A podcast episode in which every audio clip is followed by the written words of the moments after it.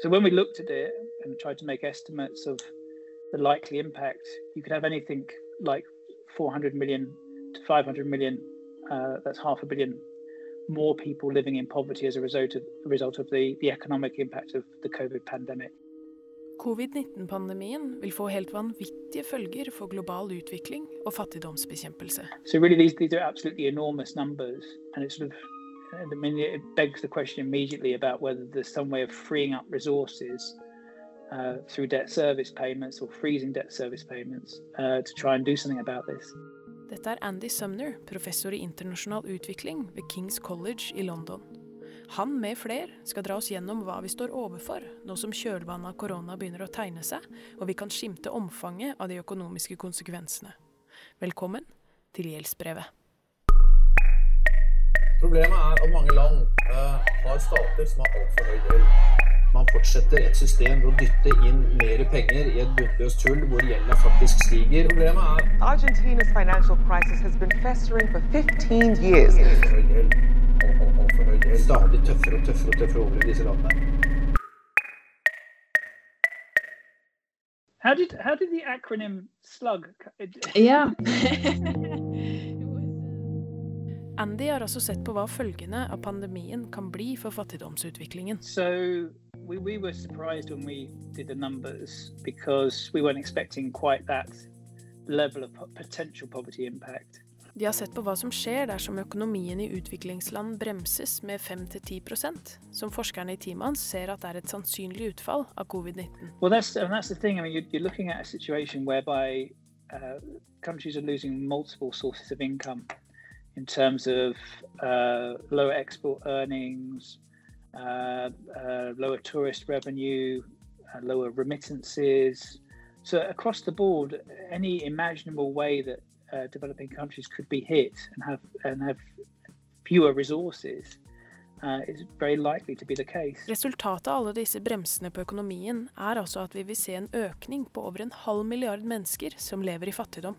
So if you if you take the the World Bank's extreme poverty line of $1.90. That's originally modelled on the dollar a day, but it's been adjusted for prices over time. We think uh, there could be an extra 400 million people living in extreme poverty as a direct result of uh, the COVID pandemic. And then if you go up to slightly higher poverty lines of $3.20 and $5.50, the other World Bank poverty lines, um, you could have over half a billion people living in poverty that weren't living in poverty last year. 500 millioner flere mennesker som lever i fattigdom, i land som ikke har råd til å innfri helt grunnleggende menneskerettigheter til befolkningen sin. Men gjelda, den må de betale. I'm sure many of your listeners know that every year uh, over a trillion dollars uh, of debt service is paid by the developing world, which is absolutely astronomical figure. Allerede før koronaen jobbet gjeld seg høyere opp på agendaen i internasjonal politikk. Man så at vi var på vei i gal retning. Det var historisk høyt gjeldsnivå i verden, og flere land sto i umiddelbar fare for å havne i gjeldskrise. disse tallene på en måte på, som IMF bruker, da, at du er eh, in debt distress, altså at du har eh, misligholdt gjeld, eller at du er i høy fare for å havne der, disse tallene har gått veldig opp. Det er liksom det som er greia her, da. Når vi i gjeldsbrevet skal snakke om de økonomiske konsekvensene av koronakrisa, så ser vi det i sammenheng med hvor sunn eller usunn et lands gjeldsbyrde er. For når pandemien bremser økonomien, og det blir såpass stramt at det blir vanskelig for landet å betale gjelda si, så står det i fare for å havne i gjeldskrise. Og da blir det kaos. Før krisa så var det jo eh, 34 land som eh, var det siste tallet fra IMF eh, på, på gjeldskrise, eller fare, høy fare for å havne i gjeldskrise, og nå er det i hvert fall over 50. Uh, og s- stor sjanse for at det blir flere ders dersom det ikke blir en rask bedring. Dette er Henrik Wold, forresten. Han er daglig leder i Slugg, og han følger situasjonen tett. I tillegg til at økonomien i utviklingsland bremser eller lukkes helt, så blir det faktisk dyrere å ha gjeld nå. Valutaen til disse landene blir devaluert pga. de dårlige markedsforholdene. Så gjelda blir dyrere, eh, som ofte er tatt opp i utenlandsk valuta. Så problemene bare baller på seg. Men vi har vel en eller annen løsning? Henrik forteller at siden verden jo var veldig klar over den farlige gjeldssituasjonen for mange land, så handlet vi ganske raskt når pandemien brøt ut. Helt i starten så var vi jo egentlig litt eh, positivt overraska i slugg. At eh, ting skjedde fort. De rikeste landene var raskt ute og sa at eh, her må vi ta grep eh, for å frigjøre midler til helse, til eh, å møte covid-19, til å sikre samfunnene sine, så må de rikeste landene gi betalingspauser. eh, I hvert fall til en del fattige land. Betalingspause fra G20 er bra, men en av de tingene som var enda bedre, var at IMF tok i bruk et fond som de har hatt en stund. Det er et sånt katastrofefond som heter Catastrophe Containment and Relief Trust. Og det er, et, det er et slags bistandsinstrument som eh, rike land kan hive penger inn i. Eh, og Norge blant annet gjorde det i våres. Bidro med 180 millioner kroner eh, for å rampe opp dette fondet litt. Det er i hvert fall 25 land som har fått gjeldsnedbetalingene sine sletta gjennom dette fondet det siste halvåret. Og det har frigjort masse midler til viktige ting som disse landene har måttet bruke penger på. F.eks. å ruste opp helsevesenet sitt til å ta imot covid-19-pasienter.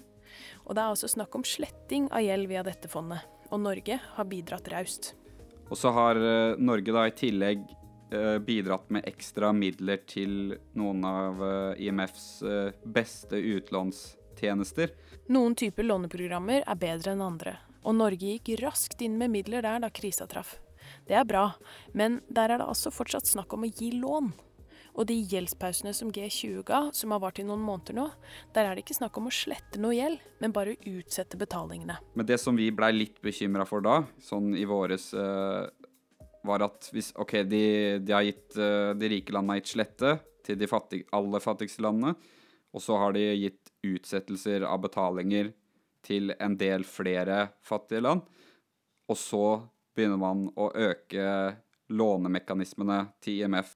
Og det er jo helt nødvendig med krisefinansiering på kort sikt. Men da tenker vi OK, hva skal skje på lang sikt? Hvis det er det man tenker, OK, vi skal utsette betalinger, vi skal sørge for finansiering gjennom nye lån. Uh, mange av disse landene hadde allerede store gjeldsproblemer. Hva skjer til neste år? Hva skjer om fem år, hvis landene fortsatt ikke kan betale tilbake? Det løser ingen uh, problemer på lang sikt, og hvis man sitter og tenker at dette skal gå, gå bra, så kommer det til å bli store uh, problemer snart. Og det kommer til å bli mange konkurser, og det kommer til å bli kaos uh, i verdensøkonomien uh, hvis man ikke får på plass noe som kan noe som kan løse opp i den ubetalbare gjelda. And so, what the World back in the IMF could do is is is just think ahead rather than waiting for the crisis. Andy Sømner forteller at alt handler om timing nå. Verdensbanken og IMF burde rett og slett bare være litt føre var. Han forteller at krisene kommer uansett. Så ønsker vi å ordne opp i gjeldsproblemene på en ryddig eller på en uryddig måte. I mean, debt service doesn't reduce just because the economic consequences are bad. Debt service is reduced because the uh, the um, the creditors decide to make a, a decision or decide to, to, to make a change to uh, the payment. Ja, det er jo egentlig så enkelt som at kreditorene bare kan bestemme seg. Men slik lånesituasjonen globalt er nå, så ser vi at det er en stadig større del av lånene som er gitt av private kreditorer, så mange ikke viser spesielt stor vilje til å gå med på endringer i nedbetalingene. Før så var statsgjeld stort sett gitt fra et land til et annet, eller fra en utviklingsbank til et land, men nå er det så vanvittig mange flere aktører. Det vi kunne sett for oss var jo et slags sånn regelverk eller et system som bestemte hvordan alle låntakere og alle långivere, privat eller stat, skulle forholde seg i en gjeldskrise. En eh, slags eh, gjeldshåndteringsmekanisme. Andy syns ikke det høres så realistisk ut med en sånn stor strukturell endring. The politically easiest would be to freeze the debt, to free, freeze debt service payments uh, this year and probably uh, most or all of next year. You know, theoretically, that's politically easier, although of course, you know, it runs against the grain of, of much of the sort of the international debate around around debt. Ok, så gjeldspause er det som er det letteste å få til, og selv det kan være litt vanskelig. Men når vi fryser gjelda, så skyver vi jo bare problemene foran oss. Uh, and once you've frozen the debt, then it implies some kind of restructuring is needed. Ok, så en liten omvei til gjeldsslette der, altså. Vi fryser gjelda først, og siden vi fryser den, så er det jo åpenbart at den er et problem, så da må vi jo slette litt. Ok, det er jo en grei nok tanke det, men får vi til det politisk, da? Det har faktisk eh, begynt å synke inn. Flere og flere verdensledere, ikke bare, ikke bare afrikanske statsledere eller eh, latinamerikanske eller karibiske statsledere, men også i nord og i, i Verdensbanken og i IMF, de sier nå eh, må vi faktisk begynne å tenke på at det trengs restrukturering. Det kommer til å bli behov for slette, og offentlige og private kreditorer må begynne å stålsette seg for at dette blir realiteten. Ok, det er jo bra, da. Men så er jo spørsmålet hvordan skal man få på plass disse restruktureringene? Ja, ikke sant. Kanskje vi kan jobbe oss eh, mot et slags sånn regelverk eller system? Hver gang eh, det har vært eh, kriser av forskjellige slag de siste årene, da blir det litt mer sånn medvind i snakk om en f.eks. en internasjonal gjeldshåndteringsmekanisme som kan gjøre det mer effektivt og mer rettferdig å, å løse opp i disse problemene. Men problemet er at veldig mange rike land, og de landene som gjerne har mest makt i disse prosessene, ønsker ikke eh, å etablere en sånn type mekanisme. Og Parisklubben, som Norge er en del av òg, som er et forum for de største kreditorene i verden, de har sagt veldig eksplisitt, også under koronakrisa nå, at de ønsker at vi skal ha en case by case eh, håndtering eh, av eh, gjeld. Ok, case by case. Enkeltvis håndtering. Det høres jo ut som noe som kan være både bra og dårlig, egentlig. Litt ineffektivt, men også med muligheter til å finne løsninger som passer bra for det enkelte tilfellet. Og hvis det hadde fungert i praksis, og hvis det hadde vært effektivt og rettferdig, at de hadde klart å samle alle kreditorene, at de hadde klart å restrukturere, altså kutte ned og endre på vilkårene på gjelda til et nivå hvor det faktisk funker, da, hvor det gjeldsnivåene er bærekraftige eh, i en vid forstand, at eh, landene kan jobbe for å nå bærekraftsmålene, at de kan ivareta menneskerettigheter, da hadde det vært bra nok. Da hadde vi vært fornøyd i slugg, og da hadde sivilsamfunn og eh, statsledere osv. i sør også vært eh, fornøyd. Men dette har ikke funka, eh, og vi kommer tilbake på nytt og på nytt eh, i situasjoner med ikke-bærekraftig gjeld. Ofte pga. nye lån, men ofte også fordi landene ikke har fått bukt med den dårlige gjelda de hadde fra tidligere. En av de store, store utfordringene nå er at mens G20 og andre rike land gir utsettelser på betalinger, så gjør ikke private kreditorer det. Og pri private kreditorer har en stadig større del av lånemarkedet, spesielt til Afrika. Og det betyr at de pengene som blir utsatt, eh, altså de betalingene som blir utsatt, går til disse private kreditorene. Dette er de klar over i Verdensbanken i, blant de rike landene, og de sier kom igjen nå, kom igjen eh, private kreditorer, bli med, bli med på dette.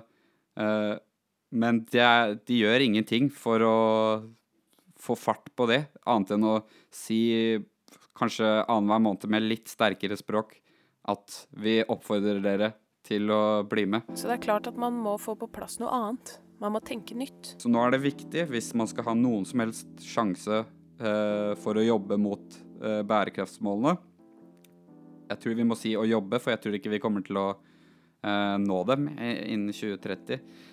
Da er man nødt til å, å tenke annerledes. Da er man nødt til å finne et slags eh, forum, et slags eh, organ, som et land kan komme til eh, når det har problemer, hvor det kan få først og fremst beskyttelse, altså en, eh, en stopp eh, i betalinger, og at man der kan sørge for at det ikke skader landet. Og så må man bruke dette forumet til å samle alle kreditorene, slik at man får en effektiv og rettferdig behandling. Det finnes mange skisser på bordet som foreslår hvordan man kan gå fram med en sånn gjeldshåndteringsmekanisme. Ja, Verken Verdensbanken eller eh, de rike landene ønsker eller tar spesielt sterkt til orde for en sånn type mekanisme. De vil holde seg til en sånn case by case-håndtering. Slugg ønsker jo at dette aller helst skal ligge under FN. Samtidig så er vi jo pragmatiske hvis man klarer å få til en sånn løsning et annet sted. Men Henrik forteller at det kan bli et alvorlig problem om Verdensbanken eller IMF skal ha den fulle kontrollen på en sånn mekanisme. De er jo selv kreditorer, og er dominert av stemmeretten til de rikeste og mektigste landene. Det er jo et eh, veldig skeivt og urettferdig utgangspunkt. Så all den tid at det er en problemstilling, så prøver vi hele tiden å si at uh, dette må i hvert fall være ordnet under FN på et eller annet vis. Og så kan uh, man selvfølgelig trekke på de styrkene som finnes i disse finansinstitusjonene. Uh, og nå er det sånn at veldig mange land, men gjerne da utviklingslandene, har tatt til orde, også før koronakrisa, men kanskje nå spesielt under koronakrisa, for at det skal bli fortgang på dette under FN. Og FNs generalsekretær har også sagt at uh, dette er noe vi må få på plass. Ok, så det er kanskje litt fart på sakene nå, da, i hvert fall blant de fattigste landene og blant FN-toppene. Men hva er det som må til for at det blir fart på det her i den rike delen av verden, da? Kommer gjeld til å bli en prioritet her igjen? I think it's definitely coming back. It's coming back because it's becoming a problem, a big problem. Andy er optimist. En altomfattende krise som den vi er oppe i nå, vil kunne by på et mulighetsrom. I suppose in all of this, you know, it's one may think of COVID, the pandemic, as a complete disaster, but maybe maybe it, it has the potential to open up political space to reimagining the world and on the debt side, at least putting the issue back on the table. Han har troa på at hvis den vanlige befolkningen i den rike delen av verden bare får øynene opp for det her, så kan det hende at vi kan se en bred folkelig mobilisering. Gjeldsbevegelsen har jo fått til det før.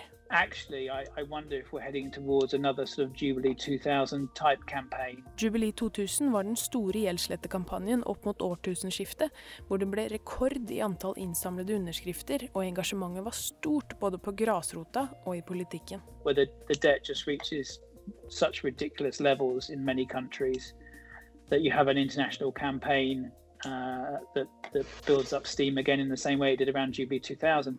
Ja, kanskje denne forferdelige situasjonen vi står oppe i nå, vil kunne mobilisere til endring, og kanskje vi faktisk får til å presse fram de nødvendige strukturelle endringene for at verdens land skal ha en bærekraftig gjeldsbyrde. Jeg tok en kjapp runde med noen av medlemsorganisasjonene til Slugg for å høre om de kommer til å prioritere gjeldssaker i tida framover det er jo krisetilstander, da. Det har jo vært det hele tiden. Uh, men uh, ja, absolutt. Det er veldig annerledes. Jeg har jobbet med disse tingene ganske lenge. Og det er en veldig annen stemning rundt gjeld eh, og annen type liksom, økonomisk eh, utviklingspolitikk enn det har vært på veldig lenge. Embla Regine Mathisen, Hei! leder i Changemaker. Changemaker har et økt fokus på det. Det merker man jo. Det er også det som skal få mest fokus i hele 2021. Og det er det medlemmene våre som er mellom 13 og 30 som har kjent fram som den tingen som er mest urettferdig, og den tingen vi må jobbe mest med. Um, det er veldig kult. da. Det tenker jeg er et viktig steg i å snakke enda mer om, om hjelp. Fra Barna sin side så har vi jo uh, ment at det å løse gjeldskriser er viktig, og det har vi ment lenge. Uh, og det er, en, det er, en, kobling til innfrielsen av barns rettigheter, fordi uh, det koster penger å innfri barns rettigheter. Um, men med denne pandemien så har vi også løfta det som en mye viktigere sak enn det vi har fått til tidligere. Irene Dotterud Flå, seniorrådgiver i Redd Barna. Jeg syns det virker som om gjeldsbevegelsen har fått vind i seilene. Løsningene som vi snakker om nå, er jo ikke nye. Det er jo ikke sånn at man har lagd en helt ny oppskrift på, på å løse gjeldskriser over natta. Um, men det denne pandemien har vist, er jo at uh, de løsningene som har vært prøvd til nå, ikke funker. Uh, og da kanskje det åpner seg et mulighetsrom for å se på de løsningene som har vært politisk vanskelig å få til, men som nå uh, tvinger seg fram, da. Ja, altså det er jo klart at nå i disse koronatider så, så er det jo de, alltid de svakeste det går utover. Altså i alle kriser, men særlig nå, da, så, så går det alltid utover de svakeste. Og, og da, altså, utviklingsland og de fattigste i utviklingslandet. Så Derfor tenker jeg det er ekstra viktig nå da, eh, å støtte opp om den saken. At, eh, Generalsekretær i Norges kristelige studentforbund, Aurora Marie Nome. og det er en så enkel sak å gjøre noe med, eh, så vi tenker at eh, det, altså, det burde bare bli gjort, rett og slett. Så det høres ut som at norske sivilsamfunnet er klare for å jobbe for endring, da. Men Henrik forteller at norsk politisk ledelse er veldig på denne case by case-løsningen. Og de sier at uh, siden Norge jo har sletta nesten all sin gjeld, så kan ikke de ta noe lederposisjon her. De kan ikke løpe av andre lands ærend. Og vi mener at det er legitimt at Norge tar til orde for det her, uh, og er en slags lederskikkelse i den politiske debatten, nettopp fordi vi har sletta gjeld tidligere, og fordi vi har finansiert utvikling av prinsipper for ansvarlig långivning og låneopptak i UNCTAD i FN. Uh, og fordi vi har gjort uh, gjeldsrevisjon av fordringene våre uh, tidligere, nettopp pga. alle disse tingene, så er det legitimt at Norge jobber for det. Men hva har vi foran oss nå, da? Hva venter vi på av avgjørelser, og hva kan vi påvirke? FNs generalforsamling nå i september er et mulig forum å diskutere dette i. Og der kan man jo håpe at det vil bli rom for noen beslutninger da, basert på dette. Men mest sannsynlig så er nok uenigheten litt uh, for stor. Ja, men vi kan jo krysse fingrene for at vi får noen gode diskusjoner, i hvert fall, da. Og for at flere tar til orde for det her. Slugg har sendt brev til utviklingsministeren med en oppfordring om å lede an, slik Norge har gjort før. Ellers så er det jo senere i høst, uh, IMF og Verdensbankens årsmøter, så kommer det til å bli en viktig beslutningsarena, og kanskje dessverre en viktigere beslutningsarena enn FNs generalforsamling. Og så etter disse årsmøtene så vil det være nye møter med G20. På de her møtene så håper Slugg at G20 vil bli enige om å fortsette gjeldspausen for de landene de har per nå, og gjerne også flere. Og gjerne med et litt langt perspektiv. Men vi er ikke så veldig håpefulle på hva den gjengen kommer fram til med tanke på restrukturering. Men vi fortsetter å jobbe på, vi. Vi kan faktisk ikke la den krisa her ta knekken på verdensøkonomien, mens vi bare står og ser på. Det er bare å følge med på slugg.no og følge Slugg på Twitter og Facebook for å få med seg de siste nyhetene og få tips til hva man kan gjøre for å påvirke politikerne. Det var det vi hadde i gjeldsbrevet for denne gang. Abonner på oss der du finner dine podkaster. Vi høres. Store deler av musikken vi har brukt i denne episoden, er laget av Lee Rosebeer. Sjekk han ut.